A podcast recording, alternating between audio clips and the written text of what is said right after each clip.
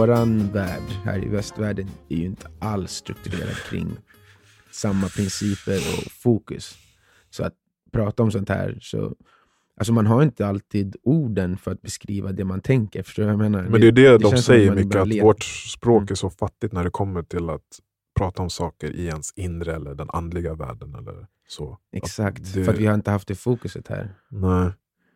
Och Det är därför han får hitta på ord som varsevarandet, eller om det kanske är ett riktigt ord, men ja, Mm. sammansatt ord möjligtvis. Mm. Men eh, han, boken handlar ju mycket om liksom, inre frid Mm. och hur man ska nå det. Eh, och jag, jag börjar märka en trend här med mig själv. att det, ja, Jag uppskattar den delen väldigt mycket, som vi har pratat om nu, och det ger väldigt mycket värde. Men samtidigt så är det... mm, Jag tycker om spelet också. Mm. Ja, ja. ja. Alltså, och jag tycker, lite som du pratade om i tidigare avsnitt, att jag har fortfarande kvar den attityden lite grann att, att bli mer spirituellt medveten eller mer em, filosofiskt utbildad och så, också har fördelar för ens faktiska prestationer i livet Mm. det, och i det spelet som folk är mest fokuserade på hela tiden. Och det, det var ju som när vi pratade om eh, att, att eh, stänga av utsidan för att kunna prestera och så. I Mm. första avsnittet, baskethistorien. Egodöden. Egodöden, precis. Men det finns, och vi kommer ju komma tillbaka för att mycket av de, många av de här böckerna om, om in, det inre livet och om, om att göra livet bättre, de rör ju på samma saker eftersom att det, ja, men det, finns inte hur många sanningar som helst om hur livet ska funka. Mm. Men, och, och här är en lik grej som basketgrejen där, men ändå lite annorlunda. Och som, eller som jag började tänka på när, när jag läste den här.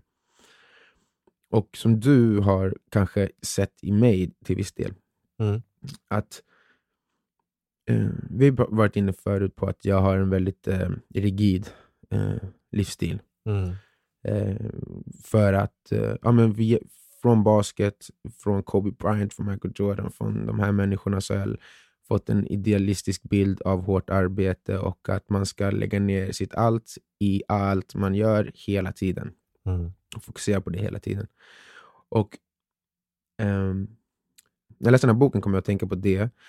ehm, när jag mötte det här, den här idén om knuten näve och öppen näve. Just det. Du kommer ihåg den? Mm. Eh, då pratade han ju om att, att på samma sätt som vi pratade om spelet innan, så kan man referera till spelet här också. att I livets spel, där du vill ha kärlek, framgång, lycka och upplevelser och allt det där, Mm. så har du ju mål. Du har ambitioner, du vill saker. Mm. Och Vi pratade ju lite nu om att så här, du ska inte du ska inte tro att allting, du, kom, alltså du ska behöva lida om du inte når dem. Och det är lite det det här handlar om.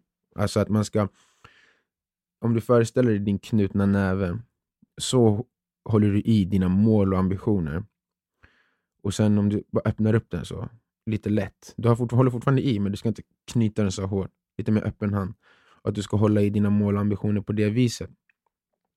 Eh, och han beskriver ju det för att, att man ska göra det för att ehm, slippa lidande mer eller mindre. Mm. Alltså för att då kommer du, vara, du kommer ha kvar ambitionen, men om du misslyckas så är du, vet du att varsevarandet är där. Mm. Och eh, du kommer ändå må bra. Du kommer kunna må så bra hela tiden oavsett. Men när jag läste det så tänkte jag också på någonting jag upplevt i mig själv. Vilket är att, och det, och det är också en koppling till eh, The Artist's Way av Julia Cameron. Att det här disciplinerade sättet, eh, det här förhållningssättet till ens eh, liv och ambitioner. Det, som du sa, det, det är fördelaktigt att använda eh, hjärnan på det sättet, den eh, logiska sidan av hjärnan. Mm. För jag, jag känner att det är den sidan som håller i disciplin, som är medveten om att man ska hålla en viss linje i livet. Så. Mm. Och som jag upplever det, och jag, eller som jag upplevt tidigare, ganska nyligen, apropå det, när vi pratade om att jag tog en paus i vintras på tre veckor. Wow. Mm. Eh,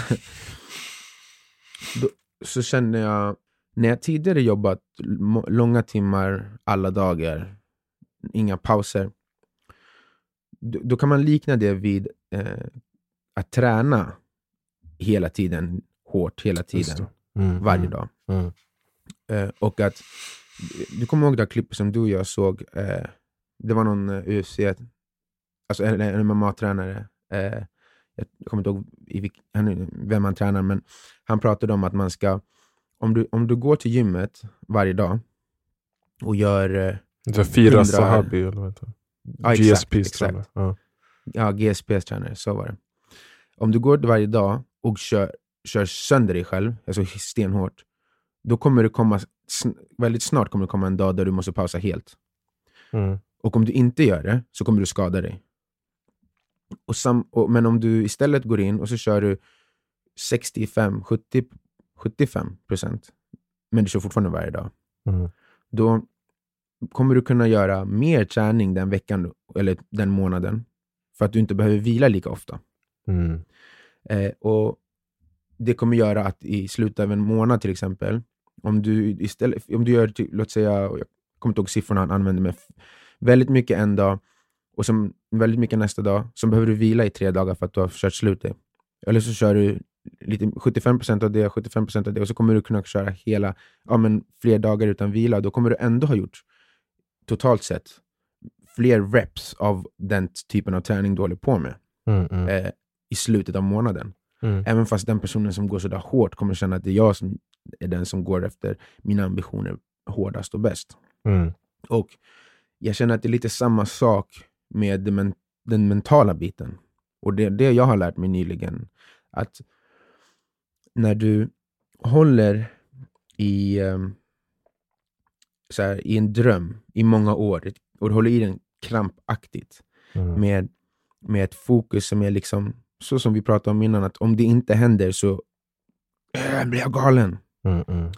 Det är, då använder du bara din logiska sida av dig själv, din, av din hjärna, för att upprätthålla ditt fokus, för att upprätthålla din work rate, för att upprätthålla dina prestationer. Mm.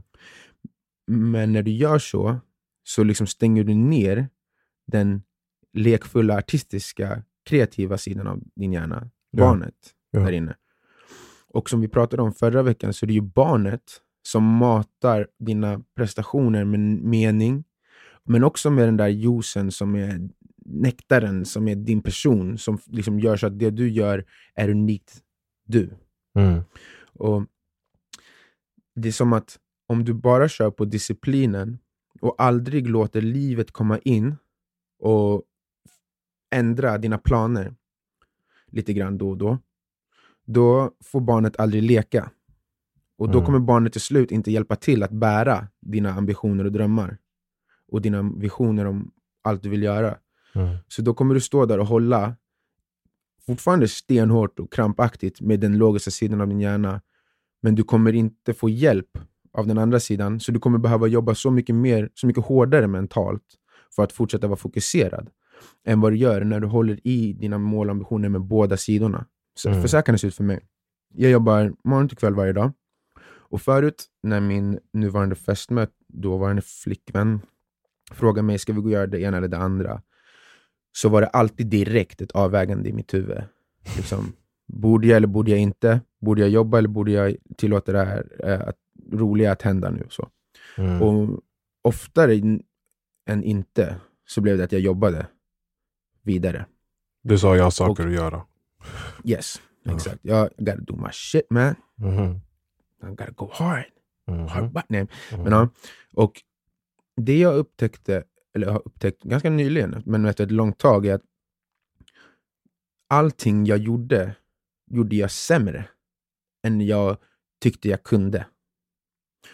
Alltså mina prestationer, de, vad säger man, marginalnyttan av varje timme jag spenderade på mitt eh, arbete blev lägre och lägre. Ehm, och sen också så känner jag att, eller jag känner nu när jag har gett mer utrymme, till exempel, för, som jag sa, disciplinen behöver vara kvar. Det jag har lärt mig själv att förhålla mig till är, jag har mitt schema som jag aldrig bryter för att jag känner någonting specifikt. Och sen så gör man det någon gång då och då ändå. Men det är den liksom, attityden man har till det. Jag ska alltid göra det jag har planerat.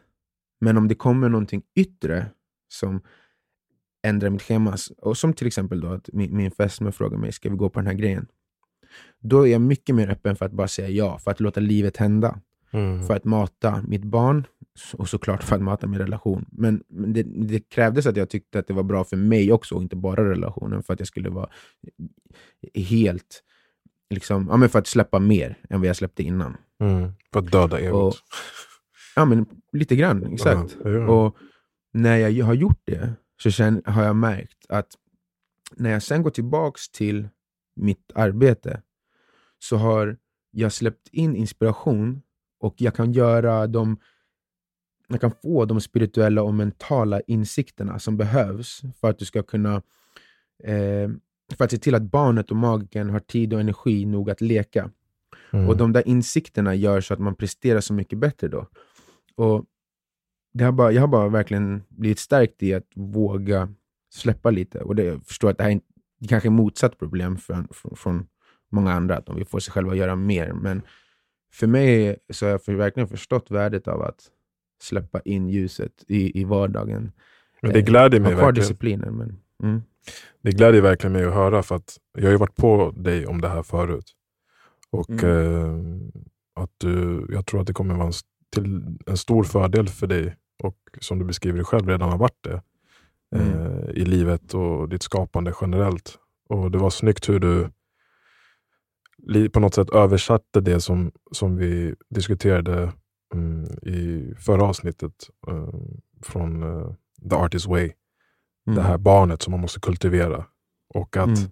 ofta så håller man sin, sin ideologi eller sin, sitt mål eller sin dröm i en hård knuten näve och tillåter inte det som krävs liksom, att komma in.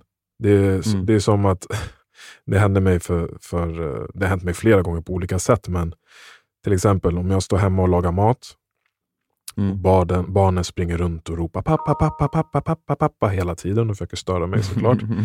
Och så letar jag efter en speciell, eh, något speciellt som jag behöver använda till maten. Och så Mm. letar jag så här, eh, maniskt efter den. Bara, Vad är den? Jag behöver den nu. Vad är den? Vad är den? Så hör jag i bakgrunden pappa, pappa, pappa. Och jag bara, men var tyst, jag, jag är upptagen. Och så bara pappa, pappa, pappa. Så bara, men vad är det? Så vänder jag blicken och kollar på Kenji, då, min son kanske. Så håller han i den saken jag letar efter. Mm. Lite på samma sak. Att Mm. han är barnet som, Ah. som med, med lekfull Exakt. attityd liksom letar efter svaret. Mm. Och jag själv har min, så här, nej men jag är förälder, jag vet bäst. Den ska ligga här och den ligger inte där nu. Då måste någon ha flickat den för att min logiska hjärta liksom navigera fram till det jag letar efter. Men han Jag bara får spring- flipp just nu bror. Ja. Det här var det, alltså, kom du på det här nu? Man kunde tro att jag har sagt exakt vad jag ska säga till dig och sen så har du suttit hemma och förnulat på en, en, en bild som ska kopplas till det här. För det här var den bästa liknelsen jag sett. För mig är det mitt liv, liksom. för dig är det här barnet, men det är också barnet i ditt huvud som du måste låta leka. Mm, mm. Mm. Nej, men det blev väldigt eh, tydligt för mig själv också vad det är man faktiskt behöver kultivera. I, Mm. i Artist Way så pratar de ju om, om the artist date. Alltså att Mm. det ska ske systematiskt, du ska sätta en dag för när du kultiverar det. Men Mm. bara i, alltså att generellt inte, precis som du säger, låsa fast vid sin idé, låsa fast vid sin, sitt mål med, med en sån knuten näve att du inte ens kan öppna lite för att, för att den ska få den näring den faktiskt behöver. Mm. Att, Mm. att den knutna näven är beslutad att ska vara knuten bara för, för att du har den här, eh, det här logiska tankesättet. Och så, här. Nej, men så här står det i boken och så här ska det vara till Mm. punkt och pricka. För att du och jag Mm. är ju väldigt olika där. Mm. Alltså, du, är, du är verkligen, läser du boken då ska du följa det till punkt och pricka. Jag är så här, ja, men jag läser en sida så hoppar jag till slutet, läser där och så läser jag mitten. Ja, nej, ja, men det var kul och så jag testar jag mig från fram. förordet, introduktionen, Ja, till, till prologen och sen så kollar jag vart den är tryckt på sista sidan. Exakt. Och jag tror på något sätt är det det som gör att vi kompletterar varandra bra. Definitivt. Jag tycker det stämmer väldigt väl och att ehm, barnet är modigare än kungen. Mm. Magiken är modigare än kungen. Ja, ja. Och Det känner jag är någonting som de här senaste tio åren som din vän, det har lärt mig att så här, att släppa in barnet så kommer du kunna göra saker bättre. Ehm, det, det är som vi har pratat om förut, det är som att vi kom från två olika håll. Alltså där du kom från, kanske mer från barnets håll då, och så kom Mm. jag från kungens håll. Och så Mm. möttes vi där och så började vi berätta för varandra om kungen och barnet. Och så bara, hej, det här är nice. Jag vill lära känna den. här." Ja. Ja, ja. Jag, du är kungen, jag är barnet. Jag förstår vad du säger. you my son. son kid. You my son.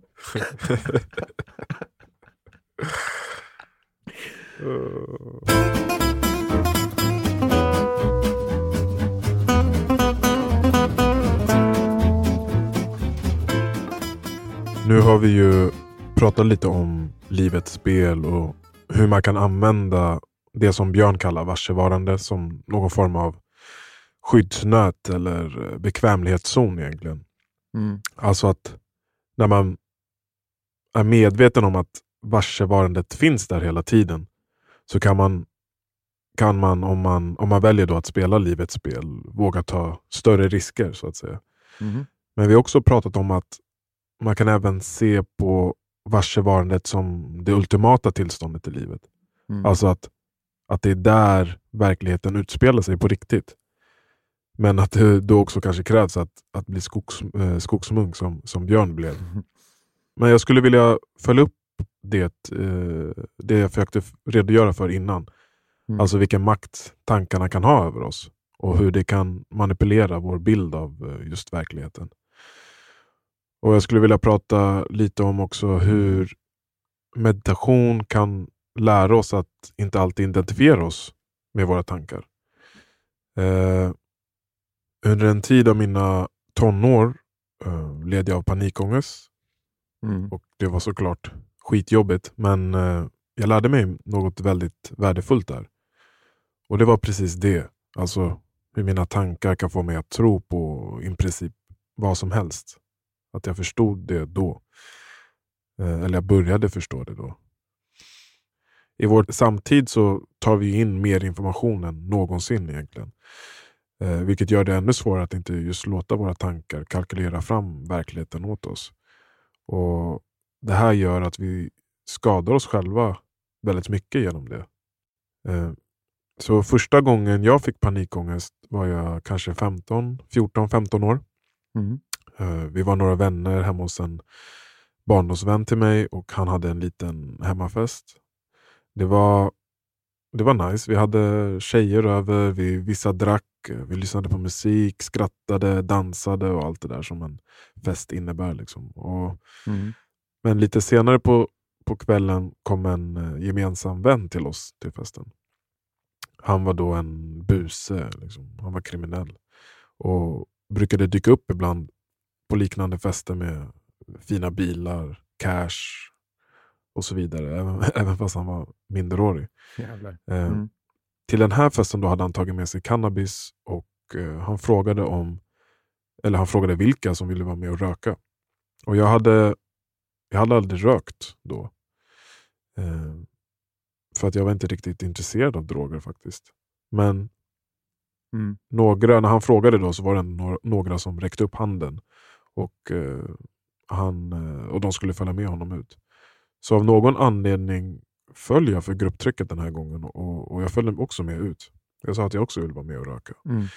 Vi gick till ett litet berg vid ett skogsparti nära huset där festen låg. Min kompis då tog fram gräset och blandade det med tobak och rullade en joint. Mm. Eh, vi skapade lite stämning genom att sätta på musik på mobilen och ja, försökte viba helt enkelt. Så stämningen var bra. Och eh, Det var inte första gången jag liksom var med folk som rökte eller hade sett någon röka eller ta andra droger. Det var, det var ganska vanligt Mm. eh, bland eh, mina vänner och, och området där jag bodde. Mm. Och när jag hade sett det här så verkade det inte vara någon big deal. Liksom. Så när jointen var klar och den tändes och skickade runt i, skickades runt i rökcirkeln så blev det snart min tur att röka. Och av någon, någon anledning fick jag för mig att jag skulle in, inhalera den här jointen som att jag var en riktig rastafari. alltså jag gick loss på den. Eh, jag tror att jag tänkte att det då var ett bra tillfälle liksom, att imponera på mina vänner eller något. Mm. Eh, Men det var också för att jag, att jag hade tanken om att, att det inte skulle vara så farligt. Mm. Hur som helst, när alla rök klart och, och vi gick tillbaka till festen kände jag inte av så mycket. Jag kände mest av liksom, nikotinen från, från eh, tobaken. Då. Mm. Men så kom vi in i trapphuset. Och på väg upp till lägenheten där festen var slog det mig ordentligt, som en fet jävla käftsmäll. Och jag blev helt bäng. Vi gick upp för de här trapporna och det kändes som att vi gick i flera timmar. Som att vi var på väg upp för Eiffeltornet eller någonting. Och jag kommer ihåg att alla skrattade Mm. hysteriskt. Och nästan utan helt, Mm. alltså nästan utan anledning. Vi bara skrattade och skrattade och skrattade. Och det var en, det var en skön känsla att vara så glad. Mhm. Men så kom vi upp till eh, lägenheten till slut och när vi klev in där så kändes det som att alla tittade på oss. Alla som inte hade rökt. Och Det kändes som att de analyserade varenda liten rörelse jag gjorde, vilket gjorde mig väldigt obekväm. Det fick mig Mm. att tro att jag betedde mig konstigt och, och jag försökte kontrollera mig så mycket jag bara kunde. Eh, men jag gick in till köket, satte mig på en stol där och det satt några andra vid köksbordet också. Och eh, de satt och pratade och skrattade och sådär. Mm. Men jag satt där helt tyst och stilla och bara såg mig omkring och iakttog allting. Och allting var så oerhört tydligt. Mm. Alla röster, alla blickar, skratten, musiken och så mina tankar och känslor. De var också oerhört tydliga. Och plötsligt så började jag höra dum, dum, dum, dum, dum, dum, dum, dum, dum, dum, dum, dum, dum, dum, dum, dum, dum, dum. Mitt hjärta Mm. började slå så hårt och vilt så att det kändes nästan som att bröstet skulle gå sönder. Eh, plötsligt så kändes det som att jag inte kunde andas. Som att rummet började krympa och liksom kväva mig. Eh, samtidigt som, att, som alla runt omkring var helt omedvetna om det. De skrattade och hade kul fortfarande. Mm. Så paniken då inom mig började växa och växa och växa. Och, och en röst började säga till mig att du kommer att dö. Du kommer att dö, du kommer att dö, du kommer att dö. Mm. Efter en kort stund så klarade jag inte av det längre. Jag, fick, alltså, jag greps av paniken helt enkelt. Så jag nådde ut till en kompis och sa Hej, vi måste göra något. Jag måste ut härifrån. Mitt hjärta, känn på mitt hjärta. Jag håller på att dö, jag håller på att dö. Mm. Och han blev chockad och förstod inte riktigt vad som hände. Och plötsligt så höjde jag rösten och fler började höra det. Och, och jag ville ta mig därifrån. Jag ville ringa ambulans, vad som helst. Mina vänner då försökte lugna ner mig.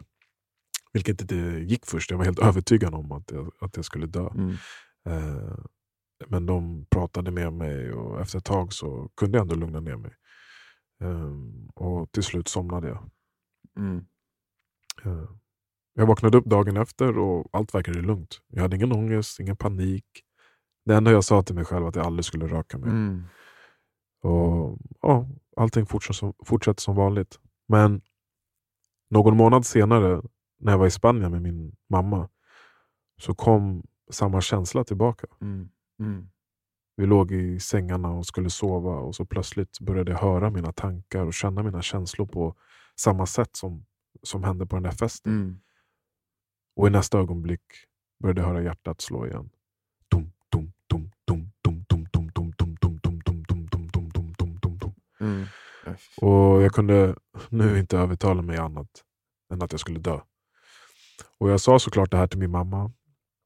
Jag bad henne känna på mitt hjärta och, och att jag hade den här känslan. Och Hon tyckte självklart väldigt synd om mig men hon var ändå relativt lugn. Mm. Jag tror att hon förstod att det handlade om någon form av panikångest. Mm. Mm. Eh, hon frågade mig, har du tagit någon drog? Eh, jag bara nej. Så dum jag var. Men ändå för att lugna mig då och försäkra oss att det inte var någonting på riktigt så åkte vi till akuten där i Spanien sent på natten. Eh, vi tog EKG, eller de tog EKG på mig, kollade alla värden och allt var ju bra. Och, vilket lugnade både mig och mamma. Mm. Men att det hade hänt igen, alltså samma känsla och samma attack. Nu även fast jag inte hade rökt gräs eller gjort något annat. Så var det som att den där rösten, den där Mm. känslan hade flyttat in inom mig.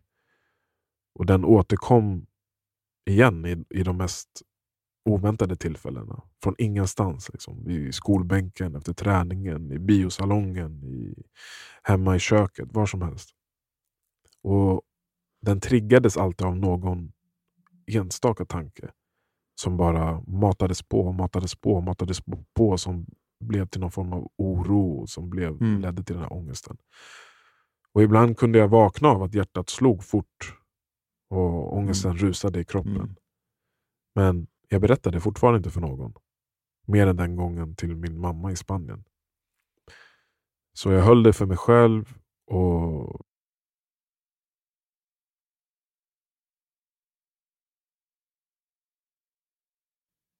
Mm. Och jag led verkligen av det. Tills jag till slut liksom fick nog. att nej, det här, det måste, Jag måste göra någonting. För att jag började förstå att den där rösten och de där tankarna som dök upp i samband med attackerna, som sa åt mig att jag skulle dö. Jag började förstå att den, den måste ju ljuga, för, för annars hade jag redan varit död. Så, så vad är det som händer? För att mm. Känslorna var på riktigt, tankarna var på riktigt och jag mådde ju inte bra av det, absolut inte. Så jag började söka på mm. internet efter mina symptom. Mm. Och Jag fattade då att ja, men det här måste vara panikångest. Varför berättade du inte för någon? Alltså, jag vet inte vad det beror på faktiskt. Men jag har alltid varit en sån mm. person. Alltså, att jag har hållit saker för mig själv. Eh, mina känslor och upplevelser och sådär. Men i det här läget kanske det handlade mer om att jag inte ville avslöja att jag hade rökt gräs eller så. Eller att jag verkade eller att jag var sårbar. Jag vet inte vad det handlade om. Jag känner igen mig i det att man vill bara berätta om saker som har varit, där man har varit, eller stunder där man har varit sårbar efter. Inte när man är i mm. dem. Jag vet vad det kanske som... Alltså alla mm. som var på festen liksom sa, sa ah, du fick psykos, du fick psykos. Liksom. Och vi kunde skratta åt det mm. efteråt. Mm. Men jag hade inte berättat för dem att attackerna kom tillbaka sen. Nej, nej. Eh, ja, men i alla fall, jag förstod att det här måste vara panikångest. Mm. Eh, jag började då söka mig runt efter hur man kan bli av med det. Vad man kan göra åt det. Och självklart, självklart fanns det så här, ja, men gå och prata med den här personen. Eller, och såna grejer. Men jag ville ju inte berätta för någon. Mm. Och så kom jag in på meditation och olika andningstekniker. Eh, hur man kunde lära sig det här för att, för att bli av med sin panikångest helt enkelt. Mm. Och jag började förstå att när panikångestattackerna inträffar, eller inträffade, så handlade det mycket om att jag tappade kontrollen över mina tankar. Mm. Vilket gjorde att jag började tro på den där rösten som sa åt mig att jag skulle dö. Och, och att man genom meditation kunde liksom ta tillbaka kontrollen över tankarna genom sin andning. Mm. Eh, så jag började testa helt enkelt. Varje kväll la jag mig på golvet och andades medvetet i några minuter. Um, sen gjorde jag det lite längre och lite längre. Och när en tanke drog mig bort från fokuset på andningen så jobbade jag med att skifta tillbaka fokuset till just andningen. Mm. Uh, och Jag gjorde det här ett tag, varje dag. För att jag ville ju verkligen bli av med, med panikångesten som var så jobbig.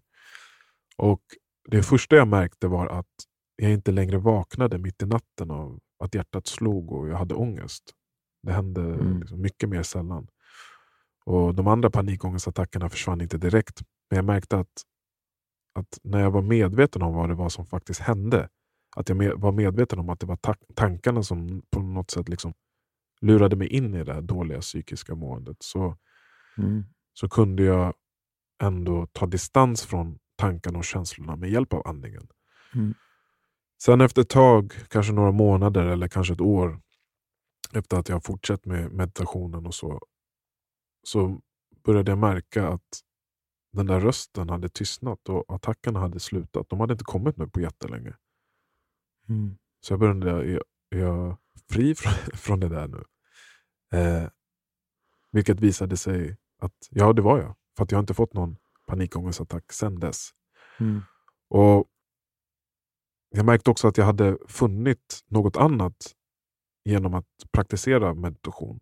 Och, och Det var ett lugn och fokus som jag inte hade innan. då. Jag blev bättre på att ta distans från mina tankar generellt och att inte alltid liksom acceptera dem. Eh, vilket också hjälpte mig att navigera fram genom resten av tonåren. Det, det som, eh, eller var det som att eh, det här tillfället fick dig att bli intresserad för de här österländska filosofierna som vi pratar om idag? Ja, precis det. Det var väl det som var den starka introduktionen. Jag hade ju en liten, eh, mm. eller lite mindre introduktion till det innan via kampsporten. Eh, och jag har alltid gillat liksom, asiatisk kultur. Men det var väl här någon gång, ja, jag, som sagt jag var 14-15, som jag började praktisera någonting andligt eller religiöst eller vad man nu vill kalla det alls. Jag hade inte gjort det innan. Så nu har det gått full circle. Du började med en röst i ditt huvud som sa till dig att du skulle dö. Och nu så är du här och säger till andra Fan vad schysst du är Maddi. Skitsnällt. Yeah, bra jobbat.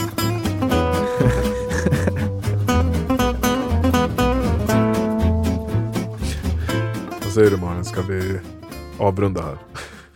ja, låt oss. Låt oss. Mm. Jag tycker det eh, känns som att vi har fått ut eh, våra reflektioner, våra tankar och så. Och Mm. jag menar, det kommer väl fortsätta att vara så här att vi kommer göra massa kopplingar mellan de olika grejerna vi läser. Mm, mm. Och det är väl det som är tanken lite grann också, att man ska inte bara läsa en och det, nu tar jag in den och glömmer bort den andra, utan man bygger ju en, som vi har pratat om off mic, att det är som att vi bygger vår egen livsfilosofi med Mm, alla de här lärdomarna. Precis. Alltså jag, jag har nästan en idé om att jag vill skriva en, så här, en egen eh, quote on quote bibel för mig själv Ja, efter, efter några år med den här. Ja Ett absolut. liv värt att dö. Liksom, för mig. själv. Så där, men där, Och- alltså, det är inte som att man själv har kommit på allting. Det är att man har fått det från de här mästarna. Men Precis. det känns som att man kan göra det till sitt eget också. Och eh, attityden, om, om du skulle skriva den boken eller om vi skulle skriva den boken så ska ju eh, attityden vara mot lärdomarna och eh, oss själva. Liksom det som Björn, vad Björns bok heter. Och det som också Mm. är det stora mantrat i hela boken. Alltså, jag Mm. kan ha fel. Att Mm. man alltid har attityden av, okej det jag tycker och tänker nu, jag kan ha fel. Den Mm. här uh, tanken och känslan som jag känner gentemot mig själv eller mot någon annan person, den kan vara fel. Mm. Att det, det är ett väldigt fint mantra som jag tror kan hjälpa en i, i många situationer i livet. Som gör att man lättar lite på den här spända näven. Som gör Mm. att man bjuder in varsevarandet oftare. Som Mm. gör att man inte liksom blir slav åt, åt sina känslor och tankar och, och låter utomstående faktorer alltid bestämma hur du ska må eller känna. Utan tänka ibland så här, fan, jag kan ha fel.